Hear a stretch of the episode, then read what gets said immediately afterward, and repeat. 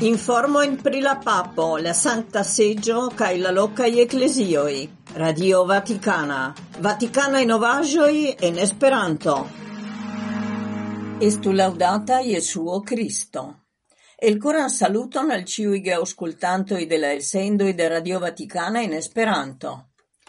Sekve de atenta pripensado, post la passin pasinsemajna katekizo pri sobrezzo, dum la Hodiaŭa generale audienzo, papo Francisco parolis pri alia malvirto, ciam cuscianta ce la coro, tiu pri volupt amo. Li clarigis la diferencon inter la du e cae precisigis. Dume malsobreco estas mangia vido, la dua malvirto estas ia spezza vido pri alia persono, nome la venena ligo cium la homo starigas inter ili mem, precipe pri la sexa temaro. Estu attentai, en cristianismo ne trovigas condamno pri sexa instincto, Ne existas condamno pri tio. Voluptemo estas dangera malvirto, daurigis la papo, char la cio in senso in corpon kai psikon. Li attentigas che se gine estas encadrigita en ia persona rilato, gi transformigas en cateno, quiu forprenas liberezzon. Same estas pornografio, contentigo de sexa desiro, quiu, sen tauga persona rilato, povas transformici en ia dependenza formo ni devas defendi la amon, la amon el la coro, el la menso, el la corpo, puran amon kiel reciproca sindonaco. Tiu ci estas la beleco de sexa rilato, aldonis la papo. cae se batali kontraŭ volupta amo povas farigi batalo dum la tuta vivo, la premio tamen estas absolute la plei grava.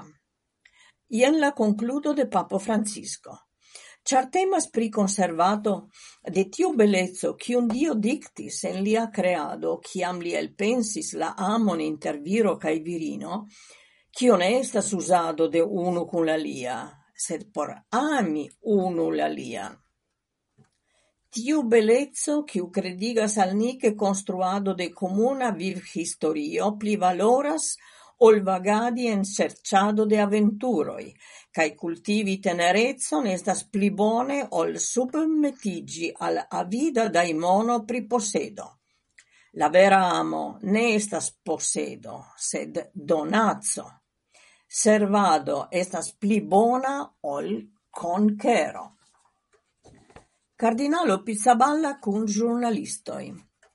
Cardinalo Pier Battista Pizzaballa, latina patriarco de Jerusalemo, pazza voce in ci tempo pri dis scirigio en Mesoriento, partoprenis en l'audienza della decvina de januaro por la membroi de Studium Biblicum Franciscano, creita en Jerusalemo anta unu iarcento. En tiu ocaso li condividis cun la papo gistattigo in kai Ebla in perspectivo in por la Sancta Lando.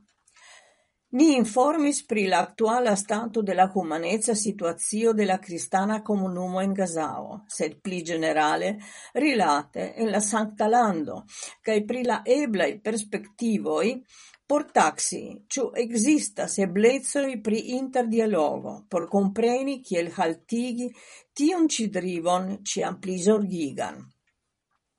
Ia certe ne facilas eltrovi solvon, oni devas ia in fazoin ne realigios tuia solvo tio, cio gravas, estas starigi comunic voioin inter la du partioi, inter Israelo cae Hamas. Tute clare, pludiris la cardinalo, che ili ne recte interparolas, sed necessas trovi la giusta in giustajn in por eltrovi ebla in solvoin. Antaucio, unu flanque por liberigo de ostagioi, cae ali flanque por cesigi pafadoin, cae plie alporti minimuman viv normalezon en Gazao. La cattolica ecclesio, cae ne nur ĝi, sed ankaŭ ĉiujn instituciojn povas engagigi en tio. Nikaragvo: Liberigitei episcopoi Alvarez cae Mora cae aliai pastroi. La episcopo Rolando Alvarez, enkancerigita dum plio ol iaro, la episcopo Isidoro del Carmen Mora Ortega, du seminaristoi cae decvin pastroi, en tuta sumo estas dec nau membroi de la Katolika Ecclesio liberigitei de la registaro de Nikaragvo. Krom unu restinte en Venezuelo, ciui alvenis al Romo, cae non estas gastoi de la Sancta Seggio. Monsignoro Alvarez, episcopo de Matagalpa cae apostola administranto de la dioceso Esteli, estis condamnita al dudec sesiaro in da mallibereio. Li estis en malliberejo ekde februaro de la pasinta jaro kaj antaŭe estis en hejma arestiĝo de aŭgusto 2012. Monsignoro Mora estis malliberigita dum la lasta decembro. Instruistoj de kinarto kaj televido diskutas pri esplorado kaj aŭdvidaj entreprenoj. La evoluo de la rilatoi inter universitatoj kaj aŭdvidaj eldon-entreprenoj, kiu pligrandigas ambaŭ mondoin, cun la e cae sigardemoi en la uso de artefarite intelligento, estis la temoi de la unua labortago de conveno de la Universitata Consilio Prichinarto, quiu comencigis la decvinan de januaro en la belega Salono Sistina de la Apostola Vaticana Biblioteco. La salono, quiu estas la pli granda freschita spazio in la mondo, crom la basilicoi, cae estis redonita de la Vaticanae Museoi al Biblioteco in 2010 post reconstruo, unua foie gastigis convenon de pli ol cent tridek instruistoj kaj esploristoj de kinarto, fotografio, televido kaj amas amaskomunikiloj. La evento celis, en sinergio con la fonduso mem creita per la volo de la papo en 2023, kiu implikiĝos la Vaticanan Bibliotecon cae Archivon, la studon cae valorigon de la Audvida aŭdvida.